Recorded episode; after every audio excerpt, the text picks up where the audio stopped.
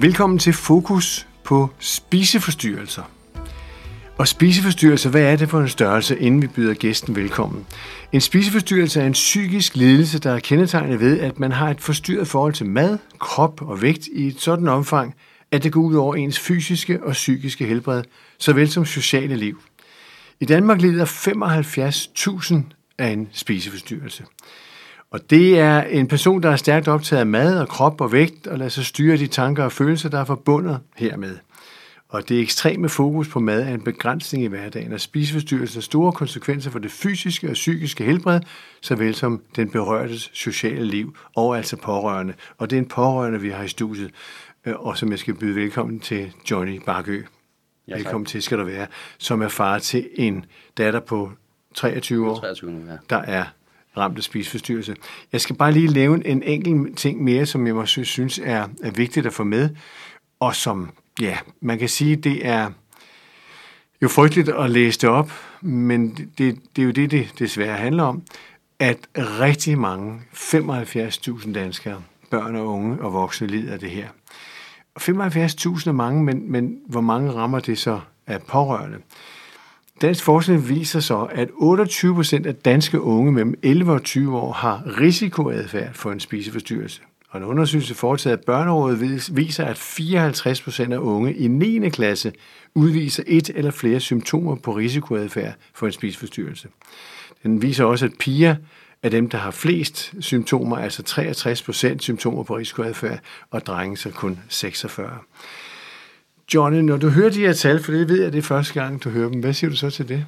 Det er da chokerende mange. Det er da forfærdeligt. Og her sidder du ene mand og ene far, ja. og har en datter, som fik spiseforstyrrelse som 12-årig. Hvad skete der? Fortæl historien. Jamen, det var noget med skoleklasse. Hun gik i 6. klasse, og det skulle så ændres, øh, skiftet til 7. klasse. Der skulle klasserne blandes, det var sådan, det var.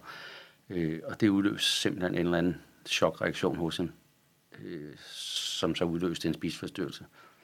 Og det var først bulimi, og så blev det til noget anoreksi, og så bulimi igen, og ja, hmm.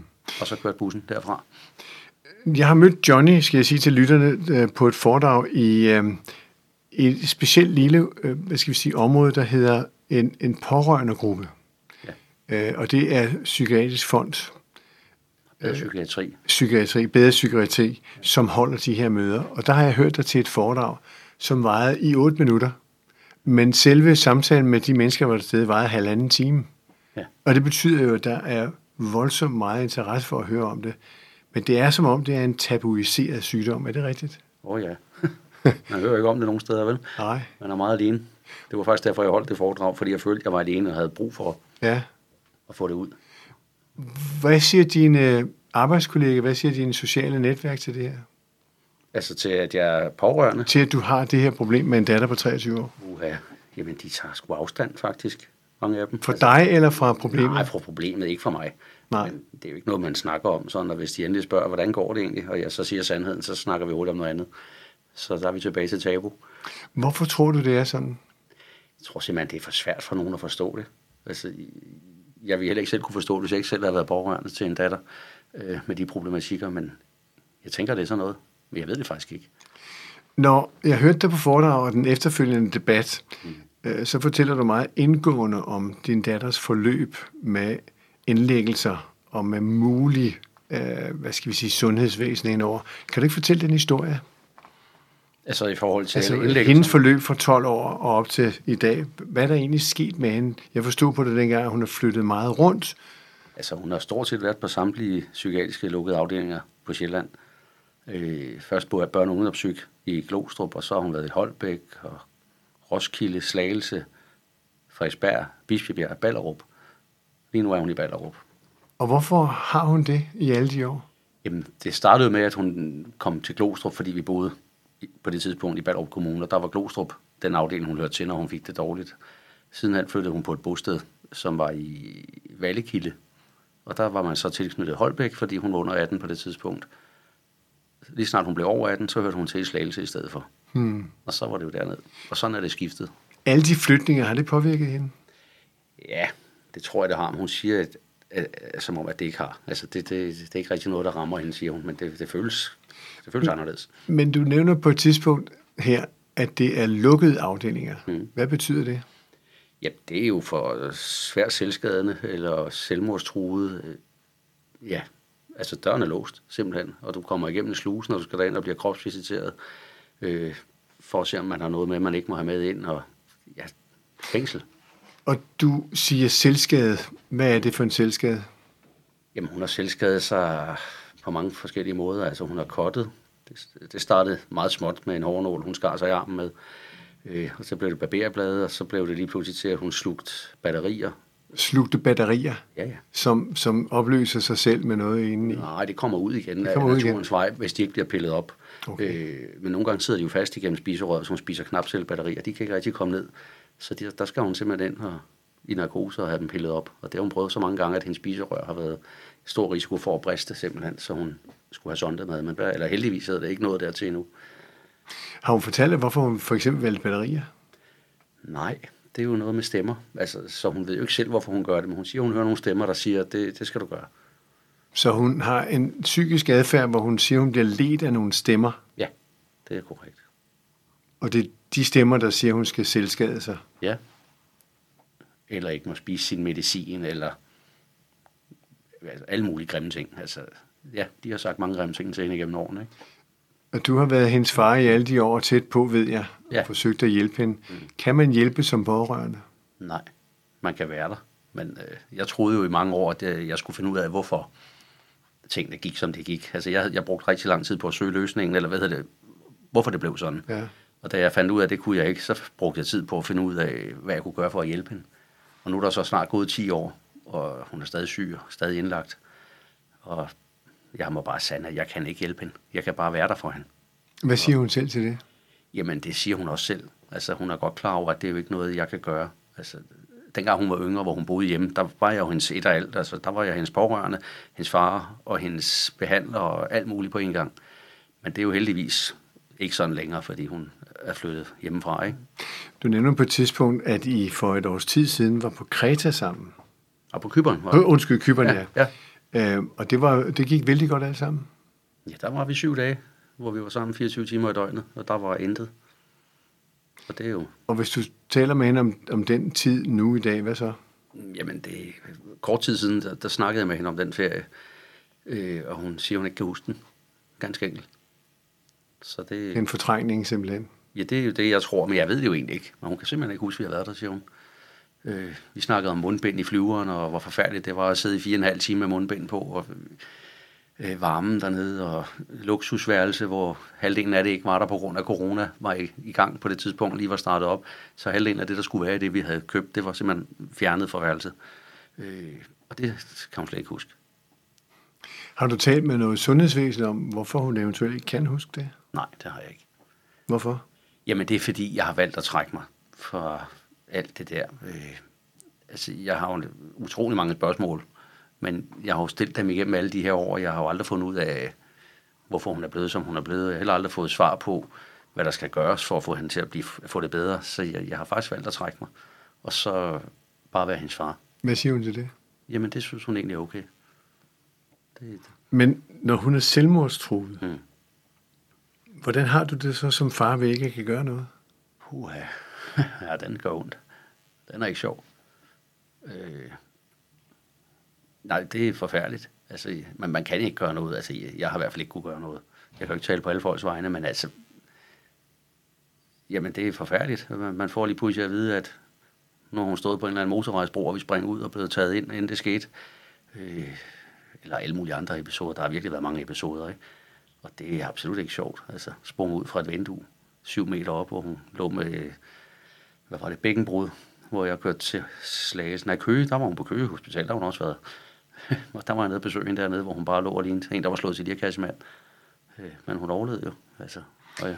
Så hun har taget springet, kan man næsten sige, billedligt ud i at ville tage sit eget liv. Mm, Ja, E- Eller, eller har hun vidst, at jamen, den går nok at springe ud? Ja, det er jo et godt spørgsmål, altså, fordi hun hoppede jo ned i et træ, som var på vej ned, og mm. resulterede i, at hun selvfølgelig afblød øh, faldet på en eller anden måde, men det resulterede så også i et langt ar på låret, fordi mm. hun blev ridset på det ene lår hele vejen op og ned nærmest. Ikke? Øh, men det har jo selvfølgelig taget noget af farten. Men, men om det er en kalkuleret ting, det ved jeg ikke. Fordi det har jeg ikke spurgt hende om. Man taler jo meget om, at man kan behandle mennesker med medicin, og, og det gør man jo så typisk efter at se symptomerne. Mm. Øhm, men hvad med årsagerne? Har man talt om dem i sådan et tilfælde som det her? Nej, lige præcis. Hun er blevet stopfodret med medicin i ja, snart 10 år jo. Øh, og det har jo ikke virket. Så hver gang hun er et nyt sted, så håber jeg bare, at der kommer nogen og siger til hende, at du, øh, vi skal altså prøve noget andet her, for det har ikke virket. Og det siger jeg også til hende. Jeg siger, nu har du fået piller i 10 år. Du læste du stadigvæk indlagt. Altså, nu tror jeg, vi skal prøve noget andet, hvis det var. Men tager hun de piller frivilligt, eller bliver hun bedt om at tage dem? Eller Det er bliver... jo meget sådan svingende, fordi nogle gange, så i øjeblikket tager hun dem frivilligt. Øh, andre gange, så skal hun jo tvangsmedicineres. Fordi så er der noget, der siger inde i hende, at hendes mor dør, hvis hun ikke spiser det. Hmm. Det gør hun jo ikke. Altså, det har vi jo mange eksempler på. Hun har jo holdt op med at spise det mange gange, men mor lever jo stadigvæk. Og det er noget mærkeligt noget. Er det det samme med maden? Hvis hun ikke vil spise, bliver hun så også tvangsfodret der? Nej, det kan jeg ikke mindes, hun nogensinde har været så langt nede i vægt, faktisk. Øh, jeg tror til sidst, så har sulten overmandet hende. Men det er mange år siden, det har været spiseforstyrrelse, der har været det primære faktisk. Men det er resultatet af spiseforstyrrelsen, Det er det her. Absolut. Det startede jo i det, og så er det bare eskaleret og kørt fuldstændig af sporet. Du fortalte på det her foredrag, at uh, hun kom hjem og sagde, at hun havde for tykke lår. Var det hendes årsag? det er det, jeg tror, der er årsagen i hvert fald. For lige pludselig, så gik hun meget højt op i, at, at hendes lår var tykke, og det var de ikke. Altså, hun lignede fuldstændig en helt almindelig sund og rask pige. Øh, Sagde du det hende? Ja, det kan du tro. Ja, ja, men det virkede ikke. Altså, det, det hørte hun ikke efter. Det var sådan noget med gamasjer, der helst skulle sidde og flagre lidt, men de skal jo altså ikke, de skal jo sidde tæt. Men i hendes verden, der skulle de sidde sådan lidt løst, fordi der var nogen fra klassen, der havde lidt løse gamasjer, og hun synes, hendes sad stram. Og det prøvede jeg at forklare hende, at det skulle de jo. Men, og jeg, jeg tror, det er det, der har udløst det, men jeg ved det, altså, der må være noget andet under det også. Du nævnte også, at øh, de her piger, og måske også drenge, har en speciel øh, side inde på Instagram. Ja. Kan du fortælle om den? Jeg kender den jo ikke selv, men jeg kender til den. Øh, ja, der findes grupper på Instagram og formentlig også andre steder, hvor selvskadende og ja, alle mulige andre, der har det skidt, de mødes og gejler hinanden op faktisk, og man har status i forhold til, hvor mange gange man har været indlagt, eller hvor mange gange man har været selvskadende, hvor mange gange man har været tvangsindlagt. Altså der er sådan nogle, så får man sådan en lille badge for, hvor mange gange man har oplevet de forskellige ting. Og jo flere man har af dem, jo højere er status inde i den gruppe. Øh, og det er jo forfærdeligt, fordi det, det fordrer bare, at man bliver ved og gør noget, der er endnu mere forfærdeligt for at få endnu flere af de der mærker der. Øh, ja, Så er det for at opnå anerkendelse? det kunne man jo godt tro, fordi det er det, de kan. Altså, det, det, det er jo desværre sådan, når man har det så lang tid, som min datter har haft det i 10 år snart, øh, så kan man ikke så meget andet, fordi sygdommen har jo fyldt det hele, og man har jo stået stille. Øh, hun er jo ikke 23 år, som en 23-årig. Hun er jo væsentligt yngre, fordi hun har mistet livet. De 10 år, der er gået, har hun jo ikke oplevet noget som helst. Øh, så det, de er gode til i den gruppe der, det er jo at være syge. Og det er de til gengæld også rigtig gode til. Er det både mave og hjerne, der tager skade af det her? ja, så maven, så er der i hvert fald skade af ikke at få mad, kan man Mm, sige, ja, ja, kropsmæssigt. Øh, hjernen har taget skade. Det har den. Ja, det tror jeg. Altså ikke, at jeg ikke tror, at det kan oprettes igen, for, mm. men hun er bagud med nogle ting. Men jeg ved ikke, om man kan kalde det, at det er en skade. Det, det, det er vel egentlig bare et symptom på, at hun ikke har oplevet noget i, i 10 år. Altså hun har siddet og kigget ind i en hvid væg på forskellige lukkede afdelinger, ikke? Øh, Og det fører på en eller anden måde, øh, hvad skal vi sige, det er positivt ment, men det er jo desværre et givet udtryk, men det fører til en, en, en øh, nedværdigelse af sig selv. det er helt sikkert. Der er jo noget selvværdsproblem i det også. Præcist. Ja. Og det kører jo også i nedadgående ja. spiral, fordi det, det, det bliver ved med at bide sig selv i halen. Hvad er relationerne til hendes mor? Er det din kone? Nej, det er det Nej. ikke. Det er en eks. Øh, vi okay. har ikke været sammen i mange år. Det er Nej.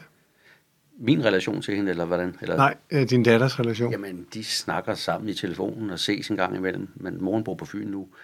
Øh, så det bliver begrænset, kan man sige. Men altså, hun kommer der forbi Ja. og hilser på hende. Har du talt med din ekskone omkring det her? Ja, det har jeg, men ikke sådan nært og indgående sådan. Altså, vi har bare talt om, at at jeg synes, at hun skulle komme derud lidt oftere, fordi jeg synes, jeg var meget alene om det. Men hun boede på Fyn, og bor på Fyn, så det er selvfølgelig også en begrænsning.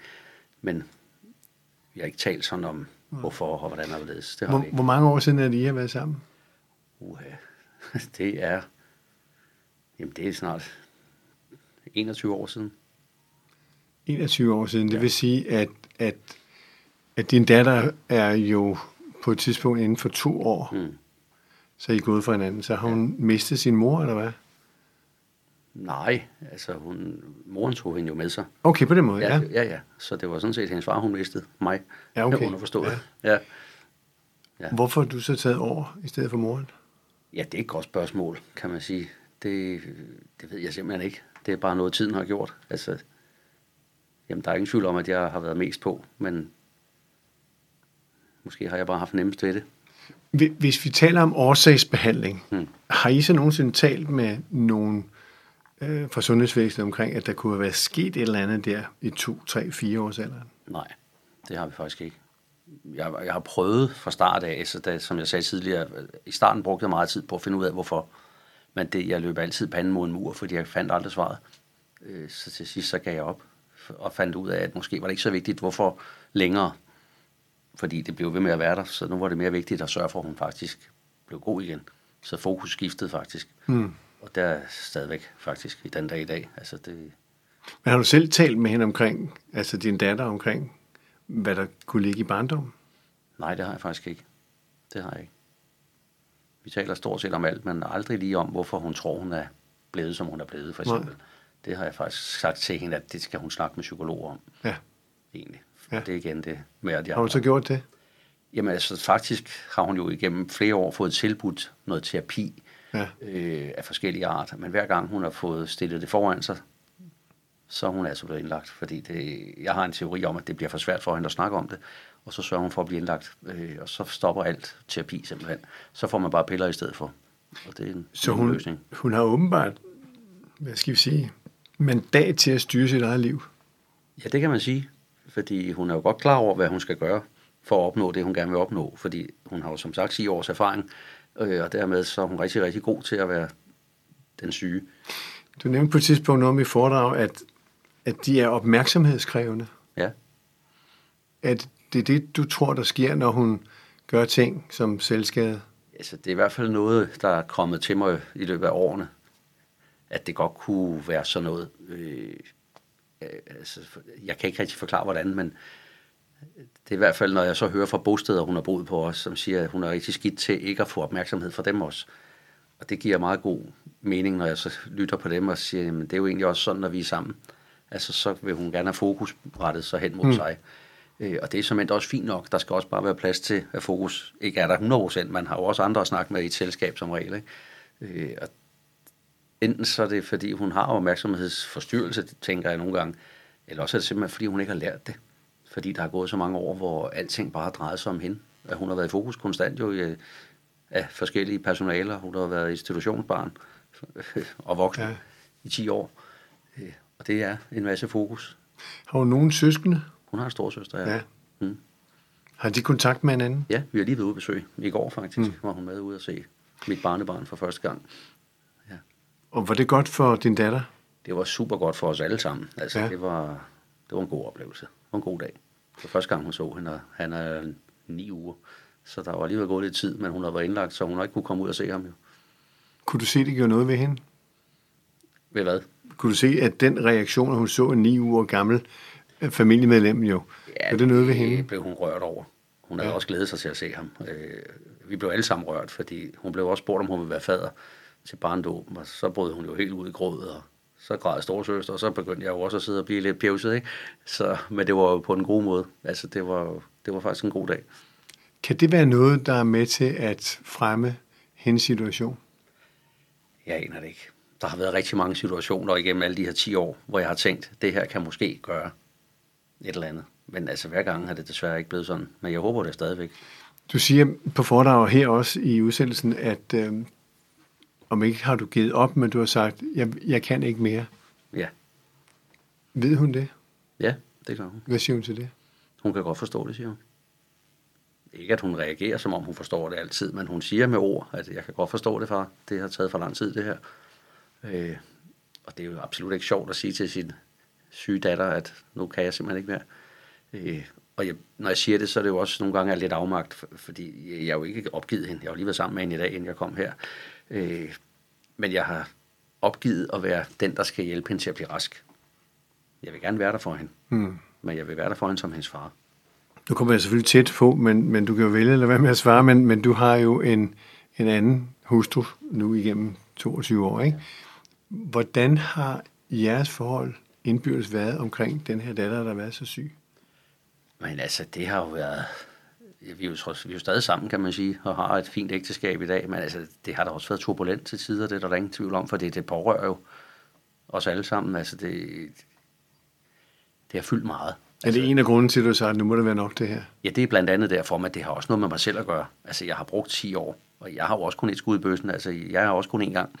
Og det har jeg faktisk sagt til både mig selv og til mine omgivelser, at øh, jeg vil også have et godt liv. Det bliver jeg simpelthen nødt til. Øh, og det kan godt, jeg kan godt have et godt liv samtidig med, at jeg er der som støtte for hende. Men jeg kan ikke være der som hendes behandler. Og det, det er det, det har været på et tidspunkt. Den erkendelse, du har der, den er jo nok rigtig. Altså, man er jo ikke behandler, man er pårørende, ikke? Mm. Har den gjort noget ved det rent følelsesmæssigt? Den har i hvert fald gjort, at jeg er nået, altså efter jeg er kendt, at det, jeg kan ikke hjælpe hende, ja. øh, der har jeg faktisk fået lidt mere ro på. Fordi så søger jeg jo ikke Nej. efter de vise sten længere, eller Nej. guldpillen, eller hvad der nu skal findes derude. Det har jeg simpelthen valgt at ikke snakke med. Før spurgte jeg meget ind til hendes medicin og sådan noget, det har jeg holdt op med. Så det må du snakke med din læge om. Og hvad siger de så til det? Altså dem, som har ansvar for nu, at faren siger fra? Jamen, det ved jeg ikke, fordi jeg snakker ikke med dem, faktisk. Det gjorde jeg meget før, han ringede tit og ofte. På, ja. Men jeg ringer, jeg ringer faktisk ikke og spørger. Har det undret dig, at de ikke kontakter dig? Nej, det har det egentlig ikke. Fordi hun er jo 23. Øh, de kontakter jo kun mig, hvis hun giver dem samtykke til, at, at jeg må vide, hvad der foregår. Men du vil pårørende? Ja, men når man er over 18, så får man ikke noget at vide, hvis man ikke får lov til at få noget at vide. Og har din datter ikke skrevet under på, at du gerne må det? Nogle gange gør hun det, andre gange gør hun ikke. Det kommer an på hendes ja, form, når hun bliver indlagt. Altså de forskellige steder, hun bliver indlagt, der spørger de jo, må de pårørende vide noget, og nogle gange så har hun sagt ja, og nogle gange har hun sagt nej. Og så står der tit ofte i papirerne, hvis far ringer og spørger, så må han gerne vide. Og det er der heldigvis de fleste gange. Men nu er jeg jo så holdt op med at ringe og spørge, så jeg ved faktisk ikke, om jeg har samtykke i den her indlæggelse, hun er i gang med nu. For jeg har ikke ringet. Johnny, hvordan har du det? Altså som, som mig selv, hvis jeg kan skille tingene lidt ad, så har jeg sådan set meget godt. Men øh, som far til hende, der kan det godt være oppe bakke, ikke? Det er svært. Øh, men Føler jeg, du, at samfundet har bakket op? Nej, det ved jeg ikke, om jeg kan sige ja nej til, for jeg har jo ikke søgt hjælp i samfundet, kan man sige. Jeg har jo, det er blandt andet derfor, jeg holdt det foredrag, du var ude og høre. Ja. Fordi jeg, jeg synes, jeg manglede nogen som mig selv. Og det er også noget af det, jeg sagde i foredraget. Altså, jeg synes virkelig, der er langt imellem at møde nogen, man ved, altså, nogen, der ved, hvad det er, jeg snakker om. Øh, men jeg har ikke søgt hjælp i systemet. Men har sundhedsvæsenet, som jo også tager sig af det her, har de ikke øh, opmærksomhed nok omkring de her problemer, tror du? Nej, det tror jeg faktisk ikke. Altså, man hører ikke rigtig om det. Altså, der er jo landsindsamlinger til alt muligt, og der er arrangementer, og der er dit og dat øh, for alt, hvad der findes.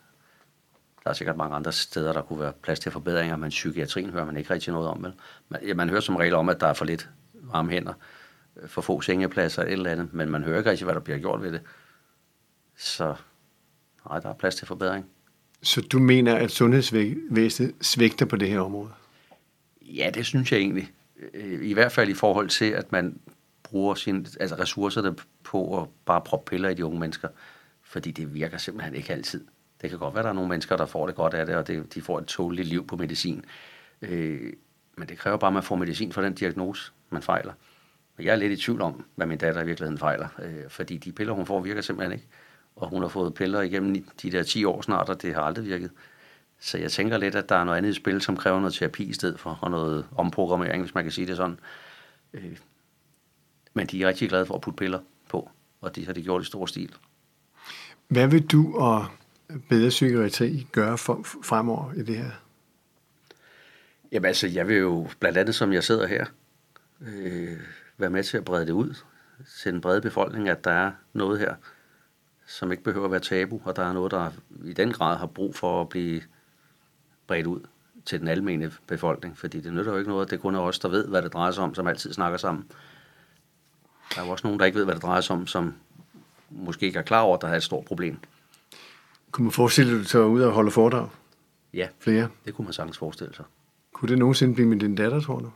Ja, det kunne jeg egentlig godt forestille mig.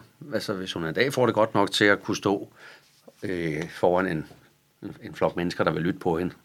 Altså, nu er vi tilbage til opmærksomheden jo, fordi den vil hun godt have jo. Spørgsmålet er bare, om der vil komme noget ud af munden på hende, det ved jeg ikke.